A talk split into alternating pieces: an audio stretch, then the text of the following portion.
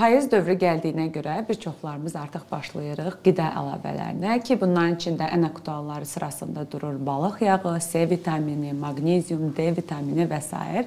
Bəs görək bu vitamin əlavələri həqiqətən də uşaqların rasionunda xüsusi yer tuturmu, yoxsa bu sadəcə bir marketinq alətidirmi?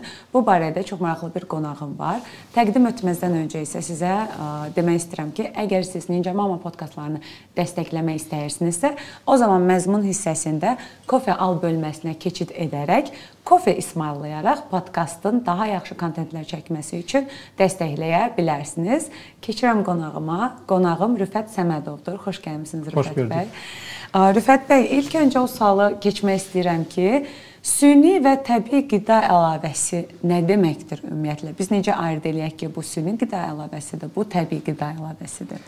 Təbii ki, süni və təbii qida əlavələri arasında çox böyük fərq var və e, fərq ondan ibarətdir ki, süni qida əlavələrinin tərkibində bəzən QMO olur və e, süni e, qida əlavələri hansısa bir formada istehsal olunur, istehsalat baş verir və təbii ki, bu Azərbaycanda nizamlanır. İki əsas aparıcı belə deyək də dövlət strukturları hansılar ki, bunu nizamlayırlar, qeydiyyat qeydiyyatdan keçirirlər, attestasiya eləyirlər. Biri analitik ekspertiza mərkəzidir və ikinci də hal-hazırda Azərbaycan Dövlət Qida Agentliyi. Hı -hı. Və bunların arasında təbii ki, süni qida əlavələri daha daha çox məsləhətli deyil, belə deyək, ələxüsus da müəyyən yaş dövrünə qədər. Hı -hı. Süni qida əlavəsi dediyimizdə daha çox nə nəzərdə tutulur? Yəni ə, e, müxtəlif növ ə, e, balıq yağlarıdır, Hı -hı. müxtəlif növ ə, e, vitaminlərdir, polivitaminlərdir, beyin qan dövranı üçün olan bir məhsullardır və s. Bunlar konkret olaraq neçə yaş dövrünə qədər? Çünki dediniz ki, bəlli bir yaş dövrünə qədər. Yəni onun konkret izlənilən bir yaş dövrü varmı ki? Bəli, yaş dövrləri müxtəlifdir. Misal üçün kalsium məhsulları artıq belə deyək ki, 6 aydan başlayır. Hı -hı. Yəni uşaqlarda yoxlanılır qanda kalsium, D vitamini və s. D vitamini bəzən həm qida əlavəsi kimi olur, bəzən də dərman vasitəsi kimi olur. Hı -hı. Yəni, Amma əslində hansıdır? Əslində belə deyək də dozaya bağlı bir şey olan bir şeydir. Yəni Misal üçün 500 beynəlxalq vahidə qədər olan qida əlavəsidir. 500 500 beynəlxalq vahid və yuxarısı artıq dərman vasitəsidir. A, okay. Terapevtik əgər, dozadır. A, əgər profilaktikdirsə, o zaman qida əlavəsi olaraq bəli, görülür. Bəli, həmçinin bu həmçinin ə, kalsiumu da aiddir, ə, vitamin C və bir çox vitamin komplekslərinə də aiddir. Bəs o zaman qida əlavələrini seçdiyimiz zaman bəlli bir yaşdan sonra, misal üçün deyək ki, 4-5 yaşından sonra bizim əsas diqqət etməli olduğumuz amillər nədir? Yəni mənə elə gəlir ki, bu bütün valideynlərə hal-hazırda maraqlıdır ki, ən bəsiti balıq yağı seçərkən ki, hansı ki bizim belə deyək də gündəlik payız, qış və yaz mövsümündə gündəlik müraciət etdiyimiz bir qida əlavəsi sayılır bu əslində. Balıq yağı seçimimiz zamanı məsəl üçün ən əsas nəyə diqqət etməliyik? İlk öncə istehsalçı ölkəyə diqqət yetirmək lazımdır. Çünki bildiyiniz qədər, yəni balıq yağı istehsal edən ölkələr çox nadir hallarda olur və əsasən Baltik Baltik dəniz, Şimal dənizdən, yəni şimal ölkələrdə, Avropanın əksər ölkələri belə deyək, Polşadır, Norveçdir, Danimarka, İslandiya və s. Yəni ən keyfiyyətli balıq yağı balıq yağı bu ölkələrdə olur. Hı. Və ikinci diqqət yetiriniz amil olmalı. Təbii ki, əgər bu şirkətin GMP sertifikasiyadan keçibdir və yaxud da ISO sertifikasiyadan keçibdir. Bəs belə deyək də, məsələn, elə bir qırmızı etiket varmı ki, tutaq ki, deyək ki, bu bu bu qida əlavələrində belə bir labeling etiket Təbii varsa, ki, bunlardan ehtiyatlı olun. Təbii ki, tərkibində yazılır, məsəl üçün konsentrat nə qədərdir, QMO nə qədərdir və bilirsiniz, bizdə bizdə artıq dövlət səviyyəsində yəni nizamnamədə belə qeyd olunub ki, qida əlavələrinin üstündə yazılır BMFQ Yəni bioloji fəallığa malik qida əlavəsi. Hı -hı. Mütləq abreviatura yazılır. Yəni bütün ə, belə deyək ki, qida əlavələrinin üstündə Və o qaldı ki, sualınıza hansı balıq yağı daha məsləhətlidir? Təbii ki, bilirsiniz ki, balıq yağının ə, əsas aparıcı ə, amin turşuları DHA və EPA-dır. Yəni ə, amin turşularından ibarətdir və orada ə, əsasən ə, balıq yağı əzələ kütləsindən alınır və qaraciyərdən. Təbii ki, qaraciyərdən ə, alınan balıq yağı daha toksiki xarakter daşıyır və məsləhət görülmür. Azyaşlı uşaqlar üçün təhlükəsizlik baxımından və onların sağlamlığı baxımından təbii və süni qida əlavələri arasında ə, belə deyim də xüsusi bir fərq varmı? Nə baxımdan soruşuram? Yəni deyirlər belə el arasında bir deyim var ki, D vitamini vermək əvəzinə çıxart günəş altına. Təbii ki, bu ona qalsa mən sizə bir bir maraqlı bir misal çəkim. Ona qalsa onda Afrikadakı uşaqlar ümumiyyətcə heç bir problemləri olmazdı. Amma gördüyünüz kimi, yəni əsas problem elə Afrikadakı yəni populyasiya arasında, bəli, uşaqların populyasiyası arasında. Nəyə görə? Çünki ilk növbədə D vitamini əsas sorulub bağırsaqdan sorulur belə deyək. Və orada ümumiyyətcə D vitamininin özündə iki forması olur. Hı -hı. suda həll olunan və yağda həll olunan. Hı -hı. Yəni erqokalsifirol və xolikalsifirol. D vitamini e, erkən yaşlarda, yəni ki 0 yaşından artıq təyin olunmağa başlayır. Və e, siz özünüz də görürsüz ki, yəni uşağa D vitamini verilmədikdə uşaqda rakit başlayır və rakitin əlamətləri başlayır. Bunun əsas səbəbi nə ilə əlaqəlidir? Yəni yaşadı onda belə çıxır ki, dünya üzərindən profilaktik dozada bütün doğulan uşaqlar D vitamini istifadə edir. Bəli, bəli. Və və belə bir nüansa toxunmaq istəyirəm ki, məsəl üçün elə bir yaş dövrü varmı ki, konkret bir bir növ belə deyək də biz deyirik ki, bioloji fəallığa malik qida, qida əlavələri ə, əslində reseptura şəklində deyil, resept şəklində buraxılmır, amma ə, məsəl üçün bayaq dedik ki, bəlli bir yaş kateqoriyası var ki, ora qədər ə, e, uşaqlara bu verilə bilməz. Ə, e, məsəl üçün bir anadır ə, e, və o həkim ona ə, qida əlavəsi məsləhət görür və bu ana hardan başa düşə bilər ki, həqiqətən də bu ona lazım olan. Çünki təəssüflər olsun ki, heç də hər həkim həqiqətən də belə deyək də ədalətli resept yazmır və nəzərə alsaq ki, qida əlavələrini heç də hər valideyn də həkim reseptinə əsasən almır. Yəni baxır ki, okey, kalsium yazılıb üstündə, 1-2 dənə gözəl şəkil var. Hə bu mənim uşağıma lazımdır. Yəni hansı proseslərdən keçməlidir ki, valideyn başa düşsün ki, okey, mən bunu alıb istifadə etməliyəm. Məsəl üçün ildə 2 dəfə analiz Bəli. var ki, qan və sair analizlərini. Bəli. Amma bunu da hər adamın etmə imkanı olmur. Yəni misal üçün ümumi analizlər deyək ki, hardasa təxminən bir uşağa 70-80 manat civarı Amma edir. Amma bir məqam da var ki, hal-hazırda bildiyiniz kimi icbari tibbi sığorta artıq Hı -hı. bu ə, əksər analizləri belə deyək qarşılayır. və qarşılayır, bəli. Və ə, uşaqda diqqət yetirdiyimiz məqam hansı olmalıdır? İlk növbədə təbii ki, ə, əgər qan azlığı varsa və yaxud da ə, iştahsızlıq varsa, ə, siz dediyiniz suala isə əsasən deyə bilərəm ki, təbii ki, ə, bizdə qanunvericilikdə də belə bir ə, belə bir məqam var ki, qida əlavələri reseptdə yazıl yazılmamalıdır. Eynən. Bəli, çünki yalnız ə, molekulalar yazıla bilər, dərman vasitələri yazıla bilər qida əlavələri e, şifahi olaraq məsləhət görülə bilər. Hı -hı. O da ə, hansısa ticari adı çəkməmək şərti ilə. Hı -hı. Yəni həkim hansısa bir ticari adı çəkə bilməz. Hı -hı. Sadəcə məsləhət görə bilər. Təbii ki, burada analar daha çox e, erudirvan olmalıdırlar, daha çox ə, forumlarda iştirak eləməlidirlər. Görsünlər ki, hansı qida əlavəsi daha yaxşıdır, hansı daha faydalıdır. Hı -hı. Bəzən ə, misal üçün istehsal ölkələr, istehsalçı ölkələrinə fikir verməlidirlər, diqqət yetirməlidirlər. Hı -hı. Sertifikatların açıq şəkildə olub olmamasına, yaş kateqoriyasına uyğun gəlirsə yoxsa yox. Çünki bəzən bir də görürsüz elə analar da öz başına elə bir qida əlavələri alırlar ki, yaş kateqoriyası öz övladlarının yaş kateqoriyasına uyğun gəlmir. Hı -hı. Və o düzgün bir şey deyil. Təbii ki, orada intoksikasiya da ola bilər, yəni mənfi hallar da ola bilər diareya, ishal və s.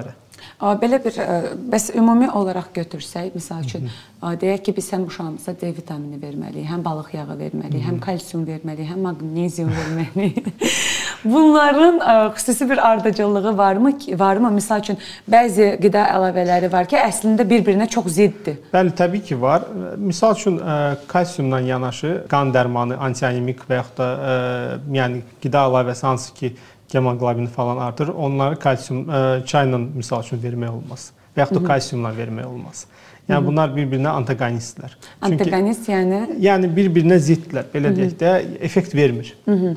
Yəni misal üçün ə, kalsiumla çay qəbul edəndə çayın tərkibində tanin var. Hı -hı. Və bu avtomatik ə, kalsium bağırsaqdan sorulmasında problem yaradır.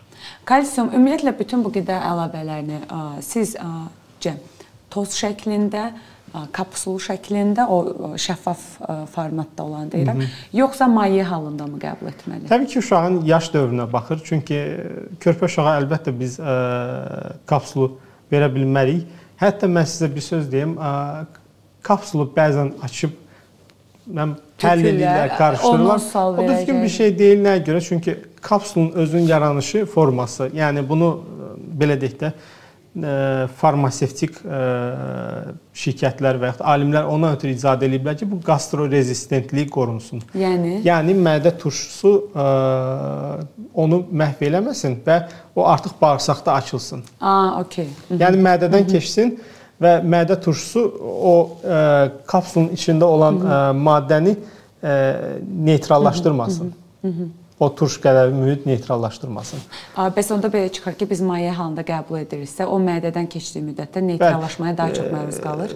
Hə, hə, həm hə, həm yox. Nəyə görə? Çünki o təbii ki, molekulyar strukturasından Asılı asılı bir şeydir. Yəni fermentlər misal üçün daha çox təbii ki, mədə turşusuna yəni məruz qalırlar. Okay, evet. başa düşdüm.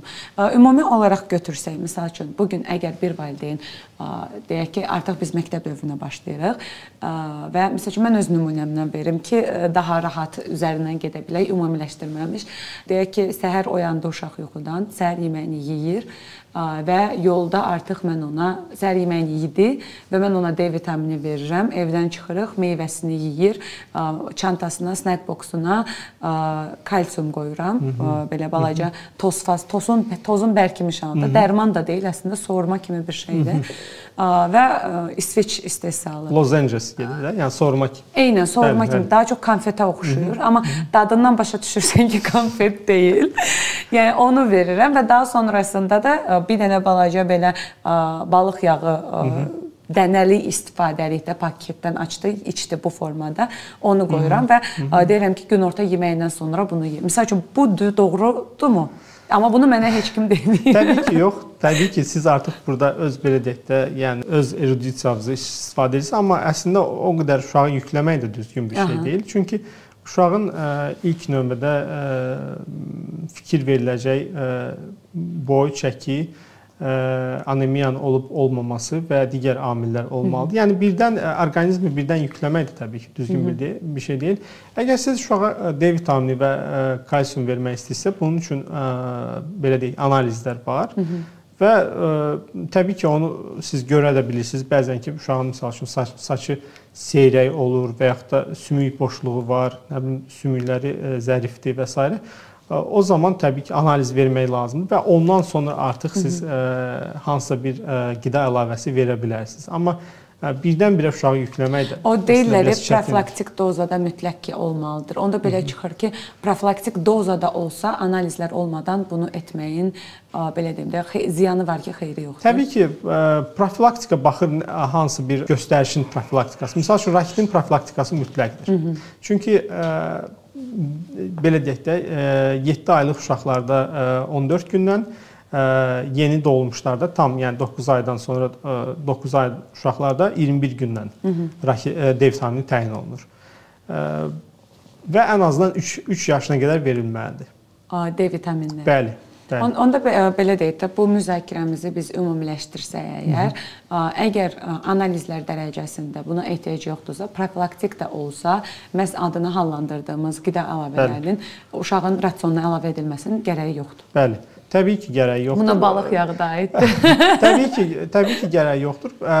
Bəzən bilirsiniz, onların hamısı mövsümi meyvələrlə əvəz edilmir. Meyvə tərəvəzlərlə əvəz.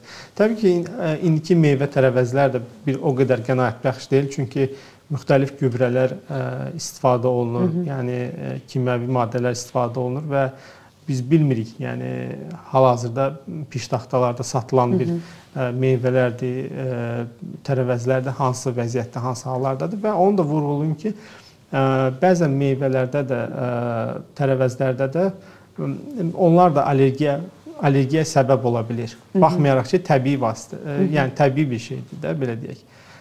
Nə görə? Çünki onların tərkibində bəzən efir yağları olur.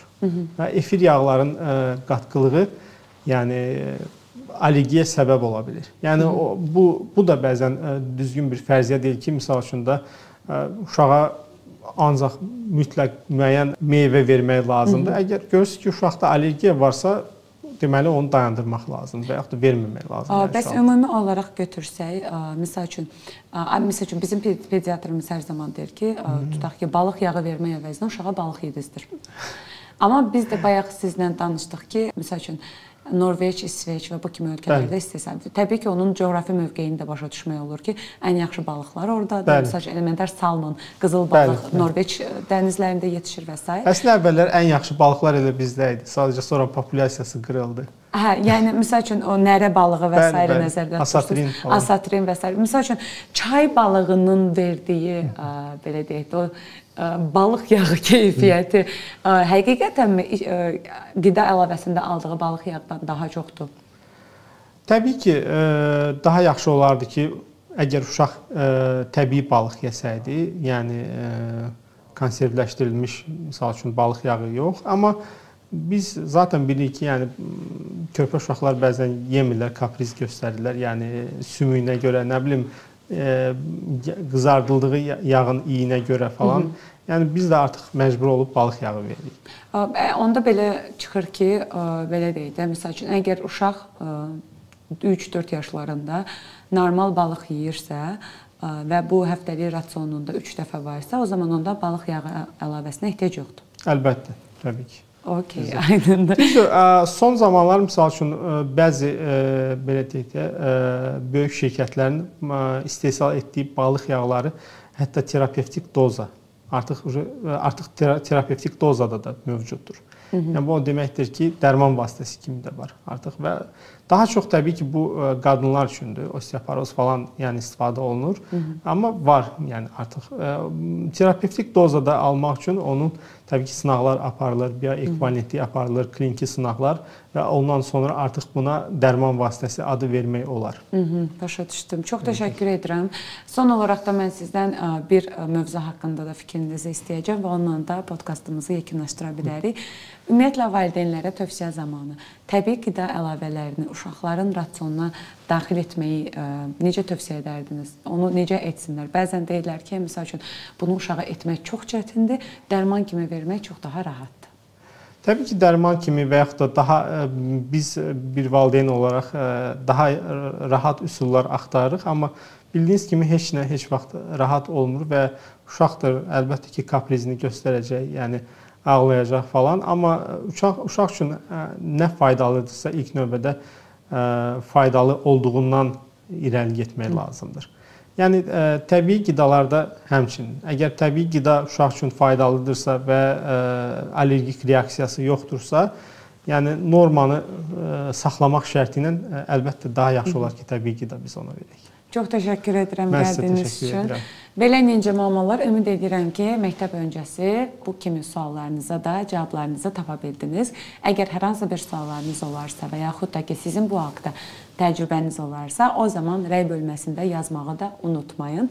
Ninja Mama podkastını isə dediyim kimi daha yaxşı kontentlər çəkmək üçün və davamlı olması üçün məzmun hissəsindəki Coffee All linkinə keçid edərək dəstəkləyə bilərsiniz. Növbəti Ninja Mama podkastlarında görüşənə qədər hələlik özünüzə yaxşı baxın.